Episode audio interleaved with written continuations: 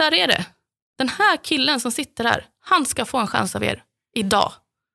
Och han behöver sin medicin.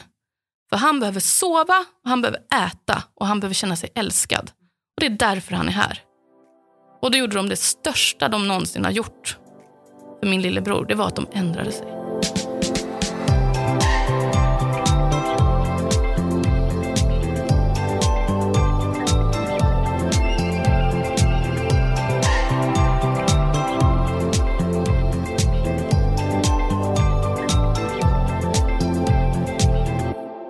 Lyssnar du på Med målet i sikte.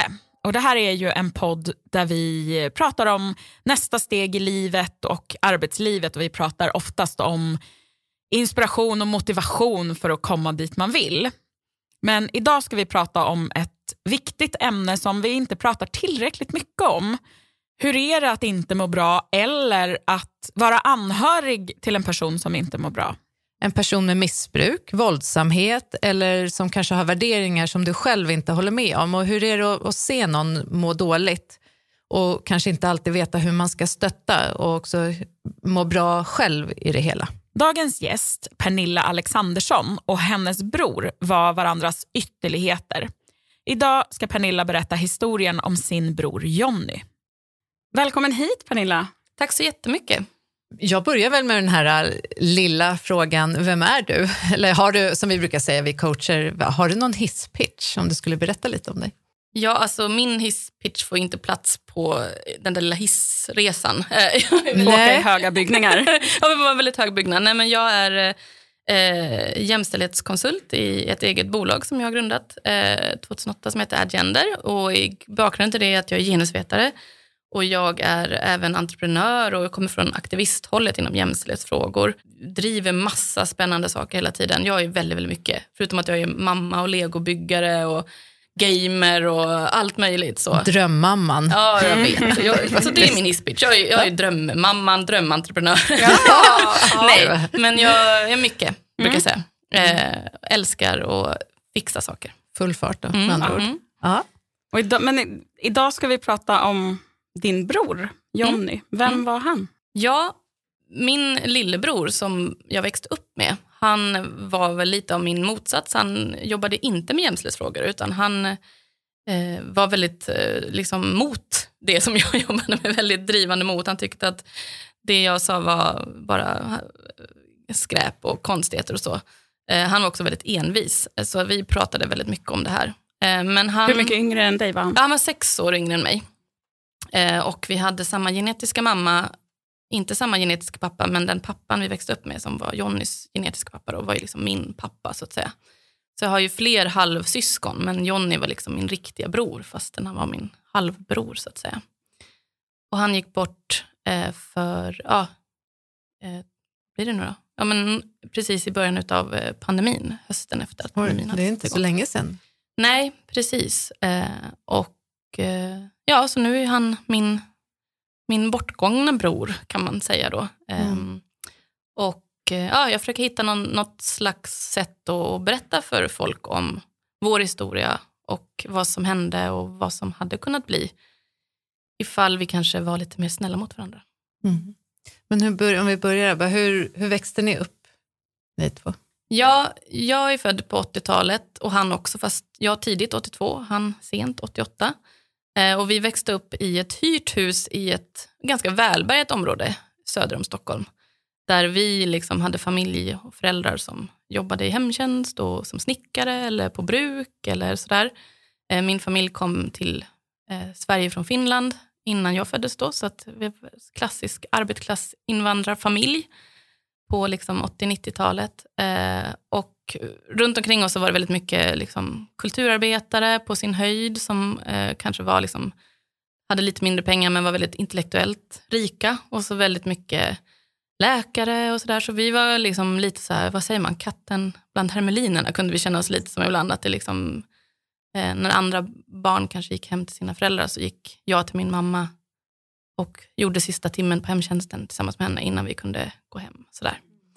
Eh, och när Jonny växte upp så upplevde jag att det hade hårdnat ganska mycket mer i samhället, bara de där små åren emellan. Så när jag växte upp så minns jag att folk var väldigt snälla mot mig. Eh, och jag minns att jag kände en skillnad, att när Jonny liksom växte upp i samma skola och samma sådär, så hade jargongen runt oss på något vis som familj och hårdnat lite mer, skulle jag vilja liksom säga. Så att jag tror ibland när folk säger så, vad är skillnaden? Så kan jag känna ibland, ja visst, vi var ju olika på många sätt. Han var mer liksom datalogiskt tänkande och jag var mer rättvisetänkande. Eh, men vi var också lika på så sätt att vi var väldigt drivna, väldigt liksom intresserade, men att vi landade lite i olika jord på något vis. Beroende på hur samhället runt omkring oss såg ut. Och var det, liksom ganska tidigt som det märktes, alltså redan när han var rätt så ung, att era liv liksom gick åt olika håll? Ja, men det tycker jag. För till exempel när jag var stora syster till honom på samma skola som jag hade växt upp så upplevde jag att det var liksom mer hårdare ord mot honom. Så här, ja, men, ja, du får inte leka med oss för dina föräldrar är fattiga i stort sett. Alltså liksom om man nu drar det liksom hårt. Mm. Men när jag var liten så var det lite mer så här, um, ja, men att man var lite mer öppen för att barn lekte tillsammans på ett helt annat sätt. Mm. Om man nu ska hårdra det, det är klart mm. att det såklart inte var, det låter som det var så svart eller vitt.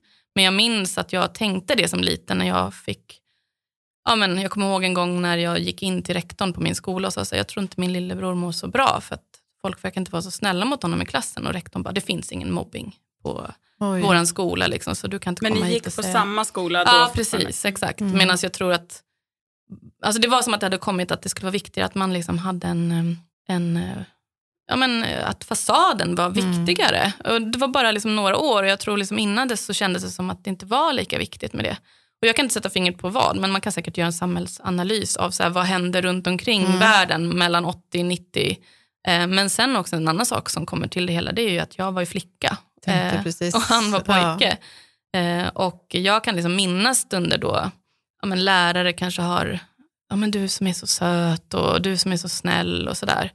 Eh, Medan jag kan vara 100% säker på att det var liksom inte någonting man gjorde liksom mot John, utan han hamnade ju kanske lätt längst bak i klassrummet. Eller sådär. Man förväntade sig att han skulle vara stökig. Exakt. Men var ja, han utåtagerande i skolan och en så här som gjorde lite revolt och så? Eller? Nej, men han var rätt så busig och envis. Det var väl nog det. Han sa ofta när han var stor att ja, jag tror jag har någon form av eh, liksom, diagnos, brukade han säga då. Eh, för han var väldigt direkt, väldigt så här, vad ska man säga? Filterfri. Filterfri, mm. precis.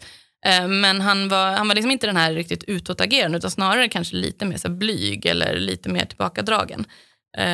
Men han kunde ju såklart säkert reta upp folk när han sa direkta saker, för det var liksom hans grej. Och när man säger det högt så, ja, men vi var väl kanske lika, mer lika än man trodde, för han var också väldigt driven av rätt, alltså rättvise. Eh, han var envis och om jag frågar folk runt omkring så här, nu har jag fått kontakt med en del av hans kompisar som jag inte hade kontakt med innan och så efter att han dog. Frågar så här, vem var Jonny? Så säger alla så här, ja men han var liksom envis, han var liksom påhittig, han var otroligt smart, han kunde väldigt mycket och han eh, var väldigt liksom eh, busig och så här, hittade på busiga saker och så här, och vågade göra saker som andra inte vågade.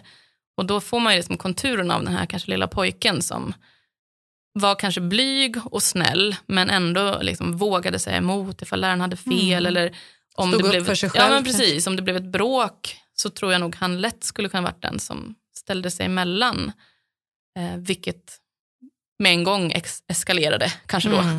Lätt att han mm. får för också, om, om han har de andra barnen emot sig också, att de kanske gärna sätter dit honom. Ja, precis. Så att, liksom en komplex jag är också mycket, Jonny var också mycket, fast vi var olika mycket på olika sätt och i olika situationer kan man väl säga. Och just att som tjej så är man ju mindre hotfull. Eller förstår ni vad jag menar? Ja, att, mm. Jag kan tänka mig att jag gick ju också i vägen ibland och sa stopp. Eller jag sa till läraren att så där får man inte göra. Alltså, så här, mm. så här, ja, men det kanske ursäktades mer då. Eh, med tanke på min bakgrund som genusvetare också så är det ju lite sånt som jag har funderat på. Att hur, hur, vad har vi förväntning, för förväntningar på tjejer och killar? Det kan man också se i så hur man liksom diagnostiserar eller hur man upptäcker allt ifrån särskild begåvning till olika liksom, diagnoser eller eh, skalor eller sådär. Att det är också olika hur man ser på de här individerna utifrån vad man har för kön. Så det tror jag också påverkade, förutom då samhällsklimatet och hur man landade i skolan. Och... Vad hände med honom sen när, när han gick ur skolan? Liksom, Hade han någon gång ett jobb eller, eller gick det snett redan från början? Va? Nej, men det som också var en samhällsreflektion så där, det var ju att när jag blev tonåring så var jag mer ute bland kompisar och jag engagerade mig i föreningar och sådär. Och när han liksom slog tonårs, då var det ju datorer. Eh, och med det säger jag inte att det är datorernas fel, men jag, jag var ju tvungen att komma ut mer för att liksom träffa kompisar, medan han började liksom spela online-spel och så. Så jag var liksom, han var som first impact med de här. Så jag minns att väldigt ofta att liksom jag gick hemifrån, han satt kvar hemma. Han drog sig Eh, undan mer Ja, från precis. dig. Och så det var, Där var det lite som att vi växte isär eh, på ett sätt. Eh, jag kommer också ihåg att vi spelade väldigt mycket tv-spel när jag var liten och, tillsammans. Och då var jag alltid bäst för jag var ju stora syster. Men så kommer jag ihåg det specifikt när vi började spela något eh, dataspel så här, när han var lite äldre och jag var tonåring och han var så otroligt mycket bättre än mig. Och jag var så här, mm, liksom, han gått om mig så. Ja. Men också såklart hans personlighet. Han älskade ju så här datalogiskt tänkande. Och så, alltså, så att det var väl också det som skilde oss lite. Att han drogs väldigt mycket till det där. Så han läste ju på IT-gymnasium och sådär. Medan jag läste estetiskt gymnasium. Och sen när jag pluggade vidare till genusvetare eh, mot min familj, så här, vad ska du göra med det? Varför kan du inte bara börja jobba i hemtjänsten? Ett vanligt jobb. riktigt jobb. eh, så började han jobba på en lastbilstillverkare i Södertälje. Eh, som, eh, där alla mina manliga släktingar har någon gång jobbat. Mina så med. han, ja. så han började jobba där eh, som truckförare. Då. Eh, så att det gick liksom bra först eh, kan man väl säga. Eh, och han skröt om att han hade högre ingångslön än vad jag någonsin skulle få lön och sånt. Och, så här, och vi höll på att bråka om det där hela tiden. Vi bråkade mycket om allt möjligt. Fast på ett härligt hjärtligt sätt ofta. Men då hade han ändå gått ut skolan och sen fått Ja, jobb. Och ja precis. Mm. Exakt. Eh, Det som blev lite vändpunkten var ju, något som vi pratade om han och jag, var ju att han, eh, han hade så fruktansvärt problem med ångest. Så eh, det var i den här mm, krisen 2008, någon gång där, 2008 till 2011, som eh, många stora företag fick liksom tufft. De fick göra om och de fick hålla på sådär, ställa om och avskeda folk hit och dit och så. Och då tror jag att John helt enkelt puttades ut eh, på grund av att han, eh, han faktiskt lyfte sin psykiska ohälsa och sa att jag behöver hjälp. Och då, då minns jag bara att han eh, kom en dag från sitt jobb och sa så här, jag sa upp mig. Jag bara, Oj, va? Du kan inte oj. säga upp dig. Han bara, nej men alltså jag har gått till dem så många gånger och sagt att jag jobbar med de här maskinerna, eh, ibland har jag nattpass. Jag är rädd att jag eller någon annan ska dö, för jag har så problem med ångest. Och de lyssnade inte på mig, så jag säger upp mig. Eh, och nu vet jag ju inte, nu sitter ju inte den på andra sidan så. Det kan ju ha varit allt möjligt också. Han kanske hade problem med alkohol, eller för det fick han ju sen och sådär. Det kan självmedicinera kanske Ja, bort sin ångest Precis, också. så att det kan ju vara massa saker så. Att han inte, de kanske sa så här, du måste göra det här. Och han kanske bara, nej, Ja. Jag har ingen aning, men hans- upplevelse var i alla fall att han fick var- inte mm. gehör. Liksom. Mm. Precis.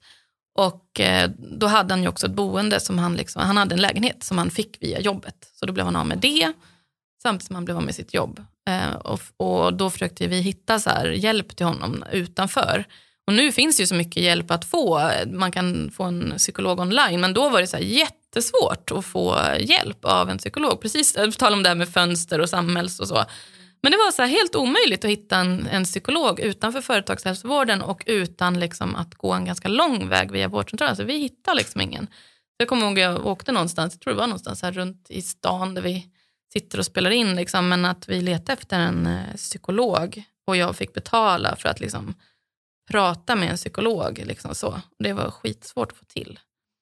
Um, och sen efter det så ja, flyttade jag hem, bodde hemma och liksom hade inget jobb. Och, eh, ja, hittade då den här vägen med att börja ta tabletter för att bli av med sin ångest.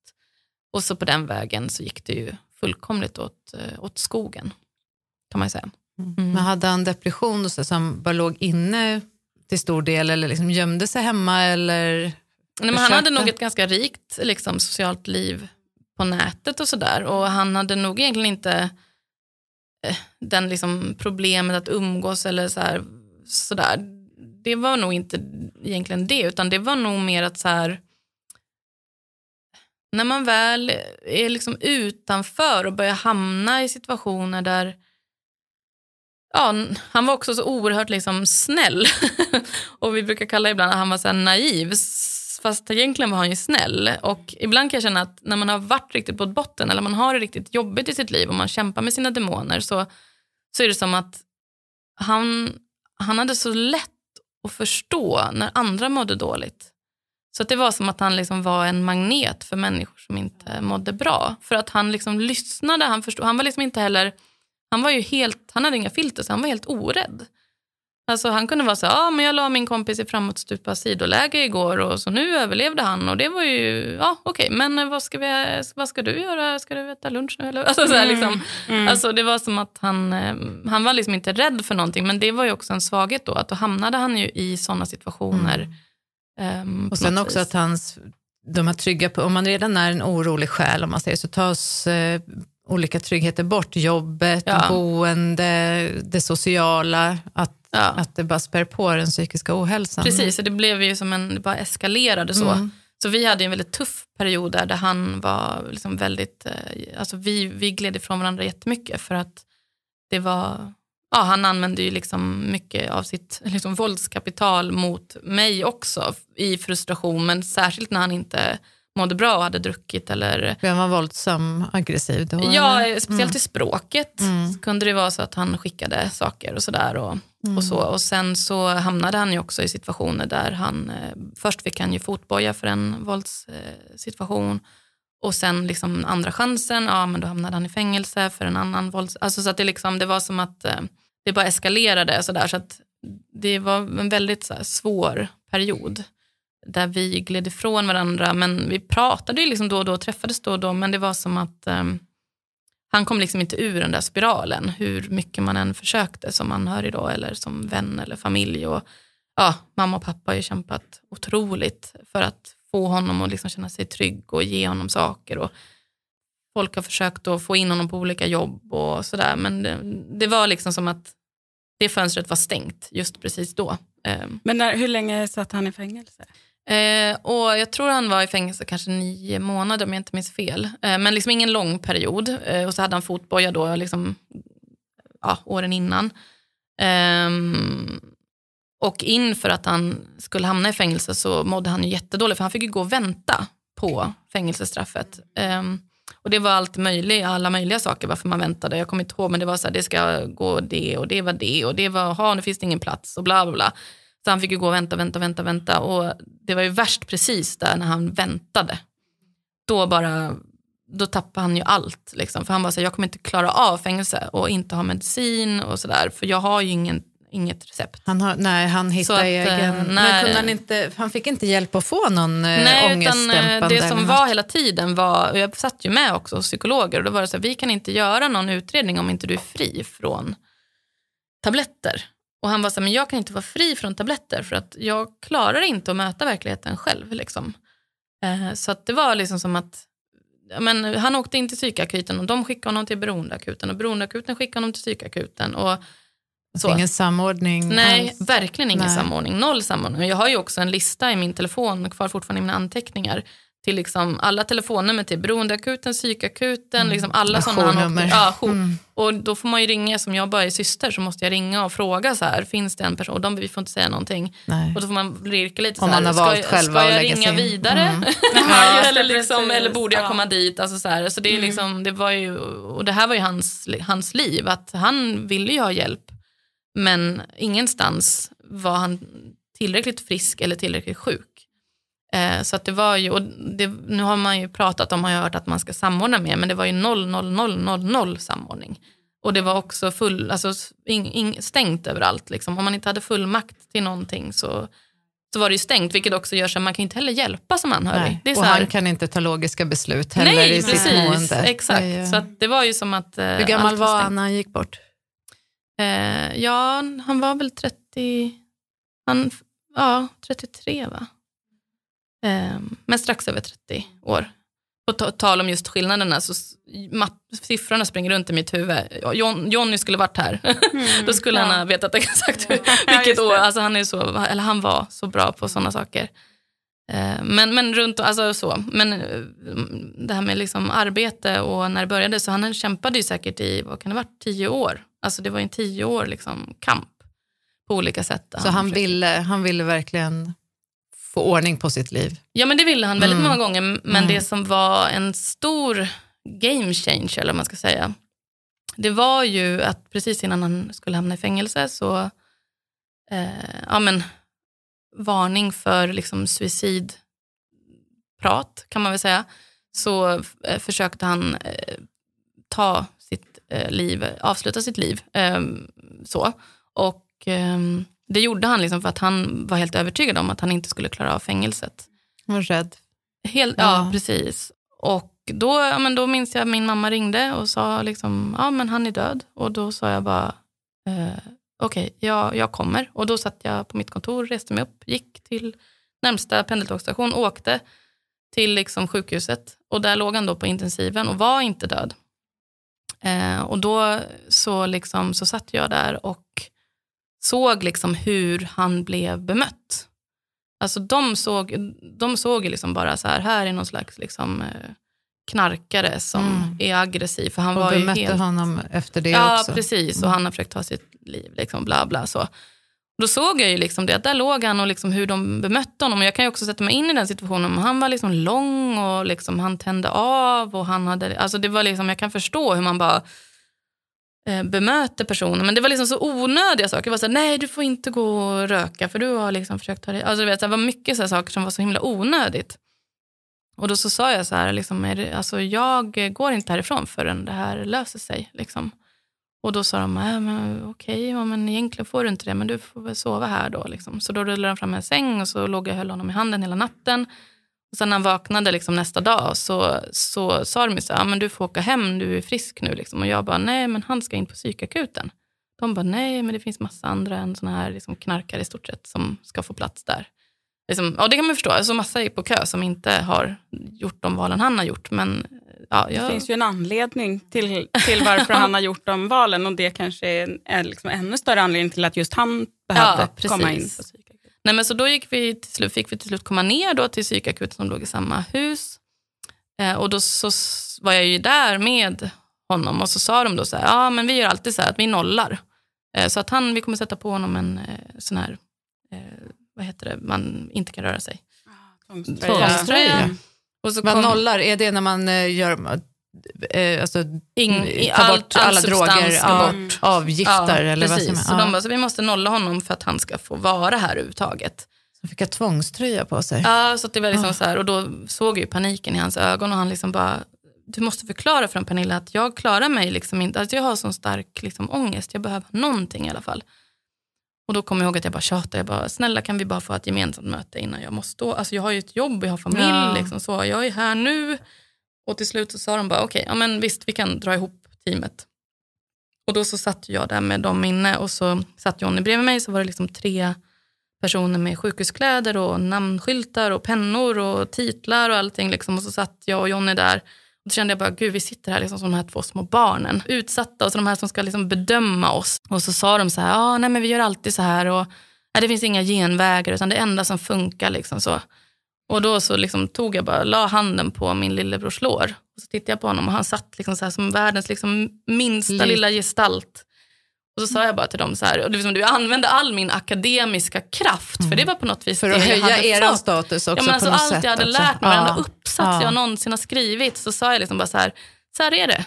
Den här killen som sitter här, han ska få en chans av er idag. Och han behöver sin medicin. För han behöver sova, och han behöver äta och han behöver känna sig älskad. Och det är därför han är här. Och då gjorde de det största de någonsin har gjort för min lillebror. Det var att de ändrade sig. De sa det, de bara okej, vi ska sätta honom på mild liksom ångestdämpande. Allt annat ska bort. Och han kommer få vara i ett rum, ett eget rum. Och sova och äta. Och han kommer få vara här i så lång tid som han behöver ha för att vi ska känna att han inte kommer gå ut och göra det här igen. Och Det här var liksom en sån liksom förändring för Jonny för att i den stunden han äntligen, för annars hade han ju aldrig fått vara längre på psykakuten än ett Mm. dygn. Man kunde Han- landa lite. Ja, han landade och jag kom ju där flera gånger och hälsade på honom och så. Och då var det ju så fantastiskt, för då var det ju Jonny. Alltså det var ju han som han ska vara när han mår bra. Precis. Inga tunga mediciner som... Nej, men ändå liksom den här hjälpen att ta sig förbi Mm. Ja. sin ångest. Alltså rätt medicinerad Johnny, Rätt utan bemötande. alkohol, med mat i magen och få sova tryggt. Eh, och då var ju han liksom precis den där lilla fina liksom killen som vi alla liksom kände honom som. Och då kände jag bara, men hjälp, liksom, tänk om inte jag hade suttit där. Det, det, jag tänkte det också, tänk alla de som inte har någon Ja, som slåss för Ja. dem, för det gjorde ju du verkligen. Men ja, hur, och det var emot alla, jag menar, Ja. fick jag ens vara där? Jag vet Nej. inte. Men det var liksom som att så här, jag, bara, jag går inte härifrån innan, innan ni liksom ser honom för den han är. Och det som hände då var att då, då förstod ju han att hjälp, jag klarar mig ju utan det här. Jag klarar ju fängelset. Och då fick ju han med sig Mm. In i fängelset eh, och fängelset gick liksom jättebra för honom. Så när han kom ut på andra sidan hade vi en helt annan liksom, relation. Vi, vi liksom hade ehm, ja, vi hade liksom någonting helt annat. Men, men det som var så tråkigt då var ju att det var ju inga dörrar som öppnades.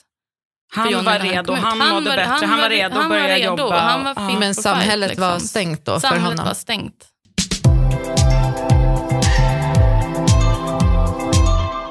Men vad hade John, som du som känner honom och känner till det här, hur det har gått till, så, vad, vad hade han behövt? I det bästa världar när, när han var redo efter fängelset? Hur hade du sett att det hade gått till? Ja, men dels det som vi pratat om samverkan. Alltså, det känns ju helt absurt att det inte fanns något, någon plats på jorden där de satt tillsammans och bara okej, men här har vi ju liksom en, en person som är redo för... Alltså han hade gjort allting rätt så att säga. Eh, och sen också en större kanske förståelse för att just när man kommer ut ur fängelset så, där, så kanske man är re, mer redo än någonsin. Och, Mm, och, motiverad? Ja, men och- motiverad och, och, och just också, visst man kan ju begära utdrag ur brottsregistret, absolut, men då kanske man kan komplettera lite med det som jag gjorde, gjorde med det här, liksom att, ja, men vad är det för person då, vad, vad vill Ja, du? Liksom? En praktik för att visa att man faktiskt klarar av det.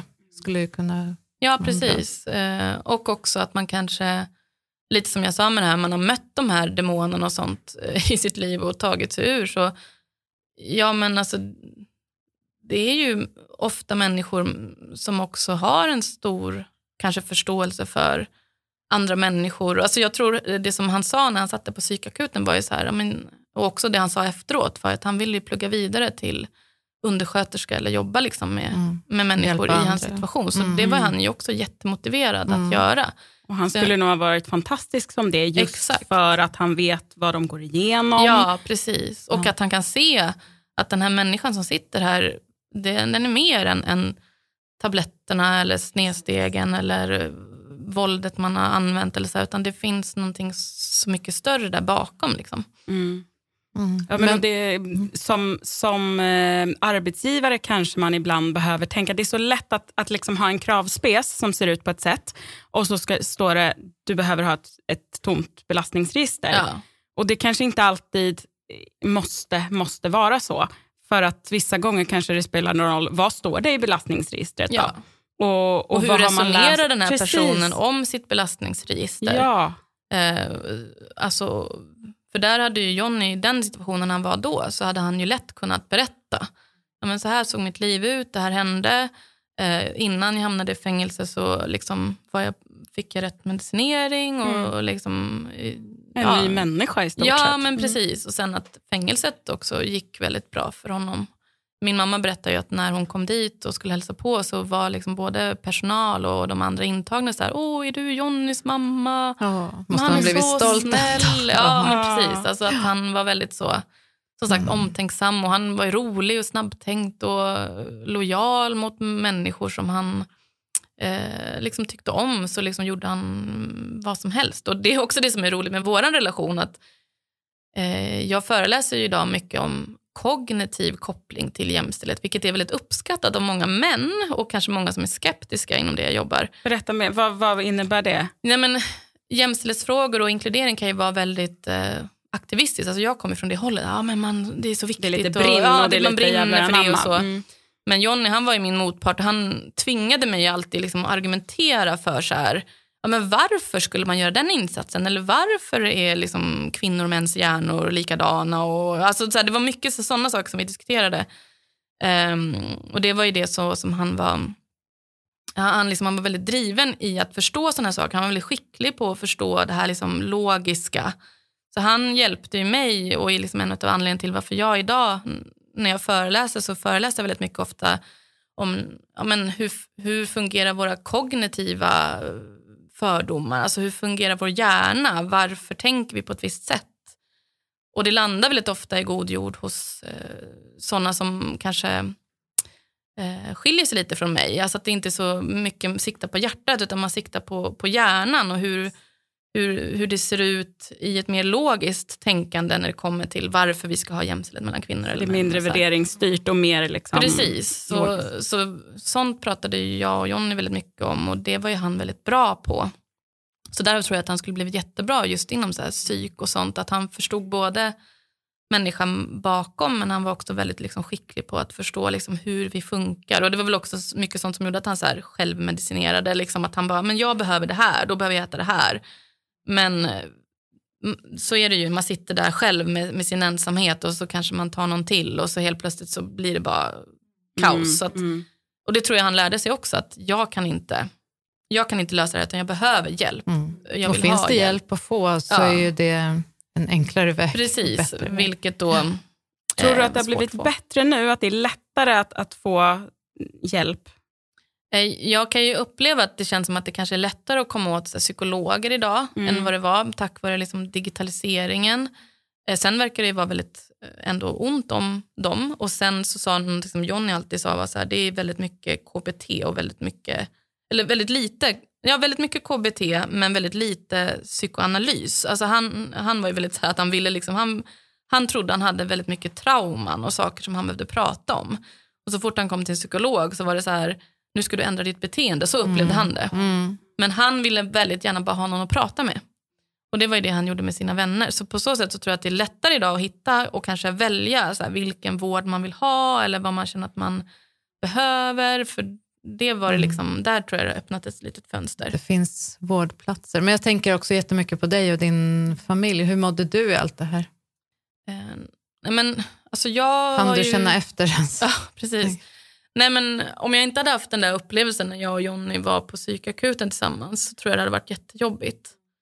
Eh, men vi satt ju där liksom och pratade om så här att så här ska det vara.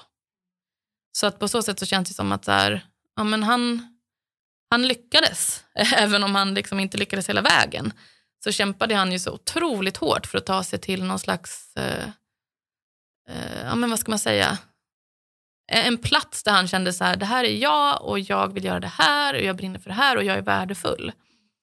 Eh, och sen var det ju liksom inte så, så, så mycket han egentligen ville ha. Jag kommer ihåg när vi satt där i, på psykakuten så sa jag, nu ska vi facilitera dig här så ska du berätta för mig, vad, vad vore wow liksom? Om du bara fick drömma så här wild and crazy när du kommer ut här nu då, från fängelset och allt kommer vara bra. Då sa han liksom bara att men det enda jag begär av livet det är ett jobb, någonstans att bo och någon att bry mig om, kanske en liten hund. Eh, och det var liksom hans, hans wow-läge. Och jag tänker om inte jag hade varit med om liksom det här samtalet, att alltså, det var Jonny. Alltså, I i liksom den renaste formen, när han liksom mådde bra, hade den medicinen han behövde för sin psykiska ohälsa och inte liksom massa annat skit och mat i magen. och så här. Då var det bara, han bara, jag vill bara ha ett jobb, jag vill ha ett hem, jag vill ha en liten hund. Typ. Det är liksom det jag begär av livet. Och sen försökte han liksom ta sig dit. Så på så sätt så mår ju jag liksom eh, ja, okej i allt detta för att jag vet att det var liksom lilla Jonny som blev stora Jonny. Han var liksom samma person. det var bara, ja men precis allting runt omkring.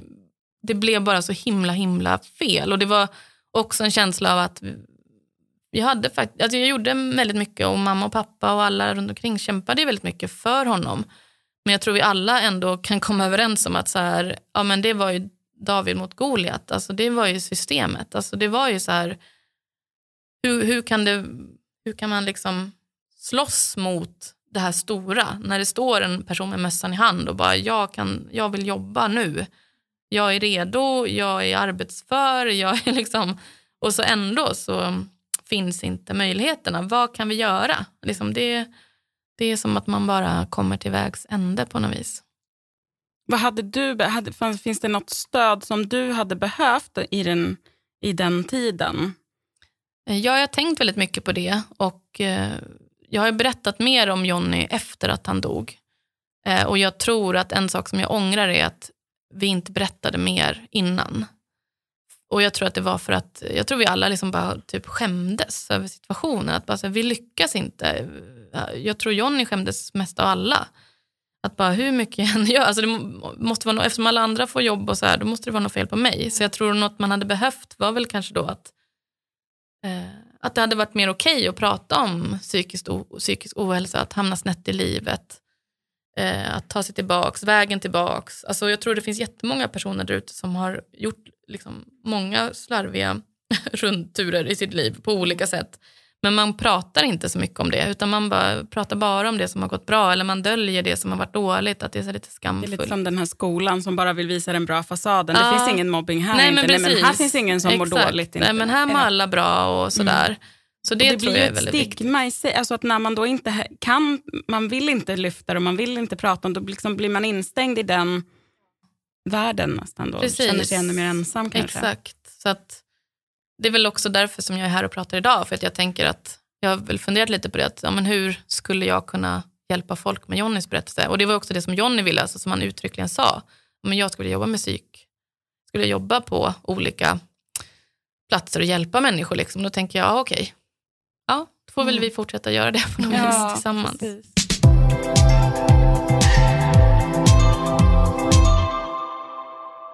Vad var det som hände när han gick bort? Vill du berätta det?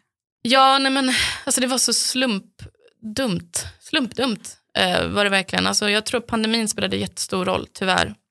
Jonny sa ju det, att när pandemin kom så hamnade han, om han var långt bak i kön innan, pandemin kom så hamnade han sist i varenda samhällskö som någonsin har funnits. Liksom.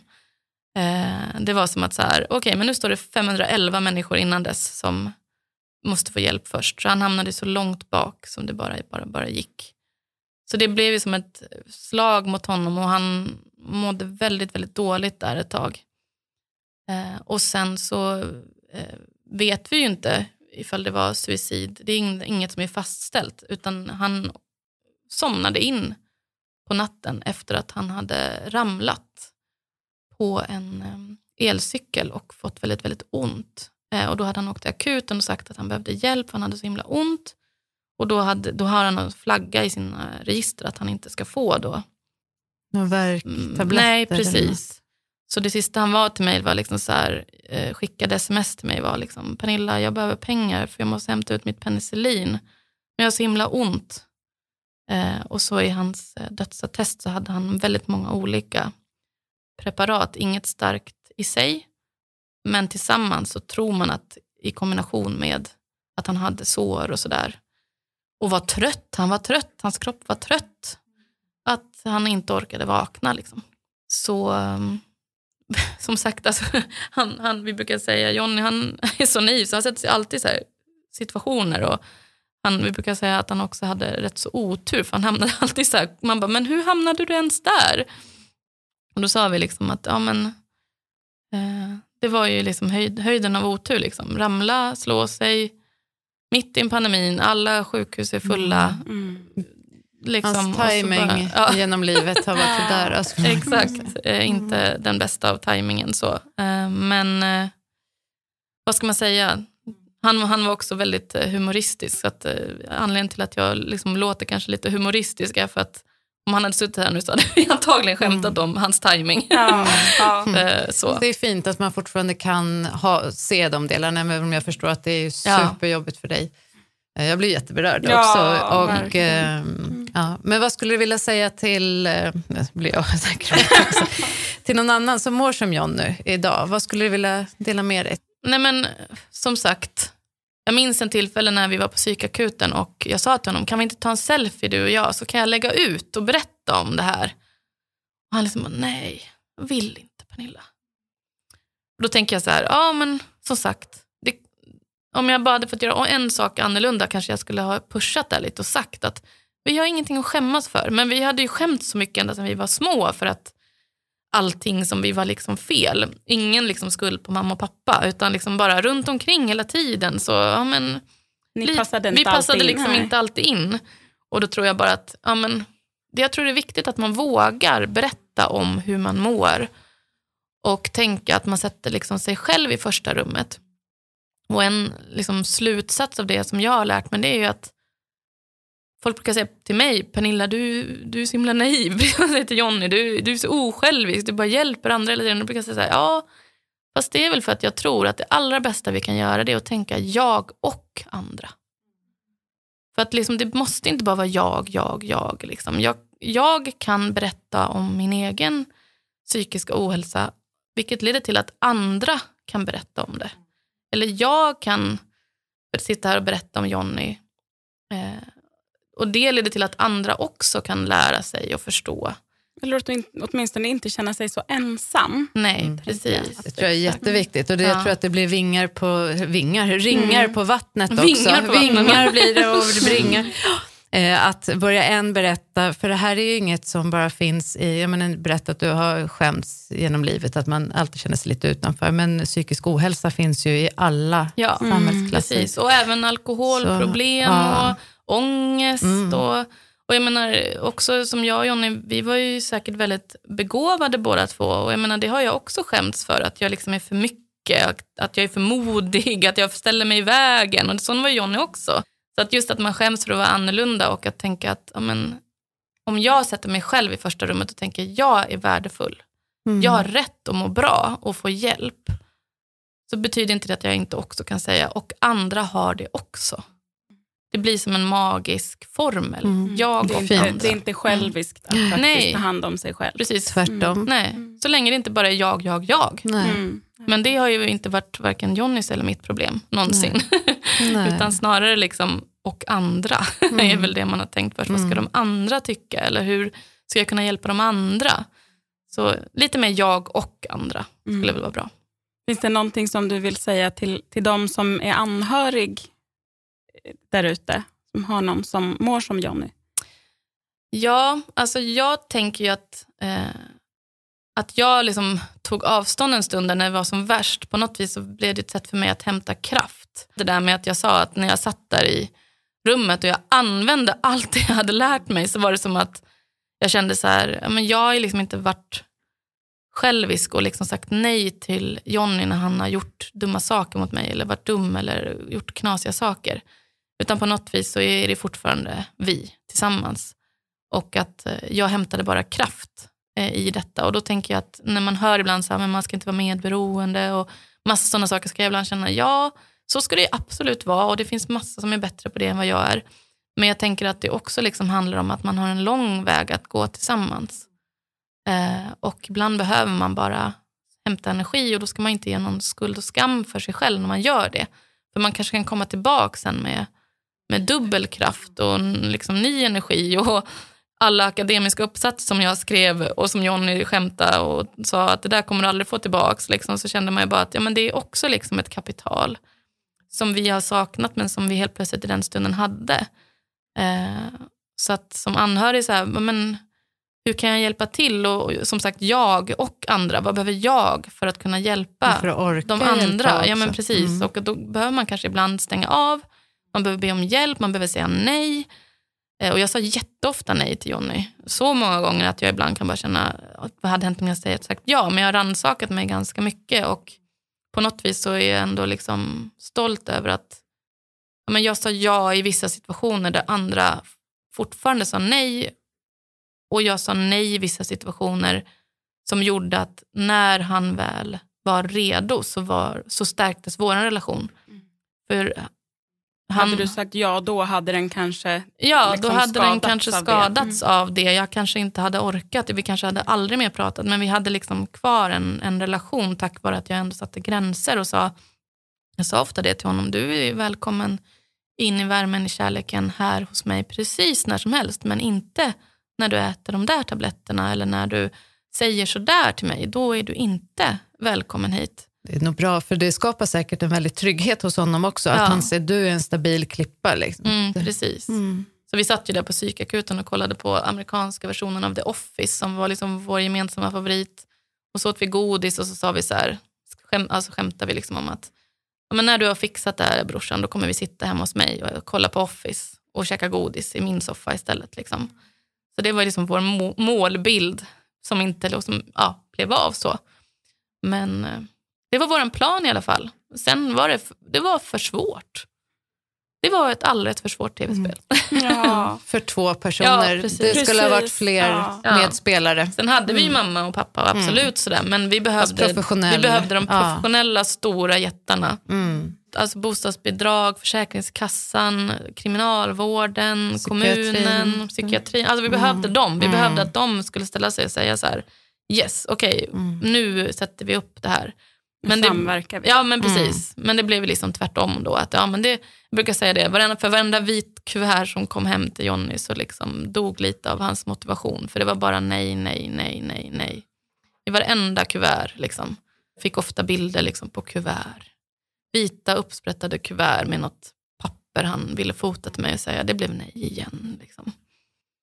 Så ja, jag sa ju nej. Det var helt okej. Jag sa ja. Det var liksom fantastiskt. Men det stora problemet var att där det fanns resurser och där det fanns liv, där fick vi bara nej, nej, nej hela tiden. Liksom. Så det hade ju varit nice att få något litet ja då och då. Ja, men verkligen. Ja. Men du har berättat jättefina saker om Johnny. Vad, vad, är det, vad var det bästa med honom? Du har sagt många saker, men har du något, vilket är ditt finaste minne eller ert finaste minne? Ja, nej men, alltså det var ju verkligen att eh, han var så rolig. Liksom, att han var så humoristisk och hade sån underfundig, liksom, rolig humor och att han utmanade mig hela tiden. Och det tror jag som sagt har stärkt mig både liksom, i person men jag har också lärt mig genom att ha Jonny vid min sida hela livet att vi är olika även när det kommer till jämställdhet och sådär. Jag kan ibland bli väldigt fundersam över när folk säger så här, ah, men man måste tycka lika inom jämställdhet. Alla måste kunna alla ord och sånt. Och då brukar jag tänka på Jonny och tänka, vad spelar det för roll egentligen? Alltså, jag menar, i, grund, I grunden handlar det om att vi delar samma värderingar. Och det gjorde ju jag och Jonny på så sätt att vi hade en grundläggande värdering och det var det här med rättvisa. Att det ska, det ska vara rättvist. Sen hade vi olika erfarenheter och olika grejer och sådär. Och tack vare att vi var olika och hade olika erfarenheter och tyckte olika om det här om, ja, området så har jag blivit bättre som människa och bättre på mitt yrke. Så jag föreläser ju för teknikstudenter inom jämställdhet och det är Jonny som har hjälpt mig med den här föreläsningen. Och i början, första åren när jag jobbade eh, som föreläsare för teknikstudenter som då var lite mer, eller som Jonny då, datalogiskt tänkande och så här, då bara fick jag utvärderingar så här, det här är bara flum, det är bara känslor och så här. Och Johnny hjälpte mig, jag bollade med honom och bara, hur ska jag få de här att förstå? Så jag har ju de här minnena när han liksom bara, men Pernilla, alltså, så där kan du inte säga, det där är bara flum. Liksom. Du måste säga så här, så här funkar det. Liksom, det här är grunden till allt. Liksom. Vi, det behöver vara rättvist, men det ska inte vara flummigt. Och, all, och allt är inte rättvist. Och då, då får man bara köpa det. Liksom. Och så han höll på och, så, här, och så ändrar jag föreläsningar. Så här. Och så nu med åren, liksom, när jag får tillbaka feedback på föreläsningar nu, så får jag så här, det här var liksom den enda logiska föreläsningen om jämställdhet jag någonsin har hört. Och då känner jag bara så här, ja, men det är Jonny som Ja. talar genom mig. Liksom. Mm. Att han bara utmanade mig hela tiden. Mm. Eh, att bli liksom mitt bästa jag. Och jag tror han gjorde det med människor runt omkring honom också. Ehm, för att han bara, han bara tro, han var så, han hade inga filter. Han bara, Han var Johnny. han var Jonny. Mm.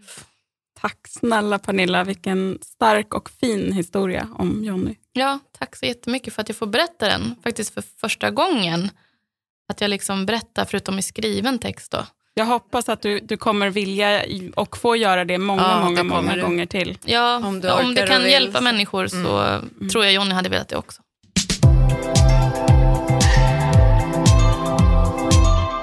Alltså jag tänker att hela det här avsnittet vill, vill vi egentligen tillägna alla, alla de som inte mår bra, de som har närstående som inte mår bra.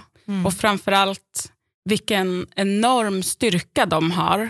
De som Jonny som, har käm- som kämpar och sliter lite i motvind, eller ganska mycket i motvind. Bara motvind nästan i Ja. princip. Mm. ja, det var jättefint delat av Mm. Pernilla här tycker jag och med hennes medskick också att ni, tänk, att ni är inte ensamma. Nej, precis. Och vi alla behöver tänka på att det faktiskt är en människa. Det finns en, en, liten, en liten Jonny eller en liten person som, som en gång hade alla de här drömmarna och, och att också kunna erbjuda någon ett jobb eh, kan betyda hela världen för den personen. Så tack för att ni lyssnar och vi ses igen. Vi hörs i alla fall igen om två veckor. Hej då!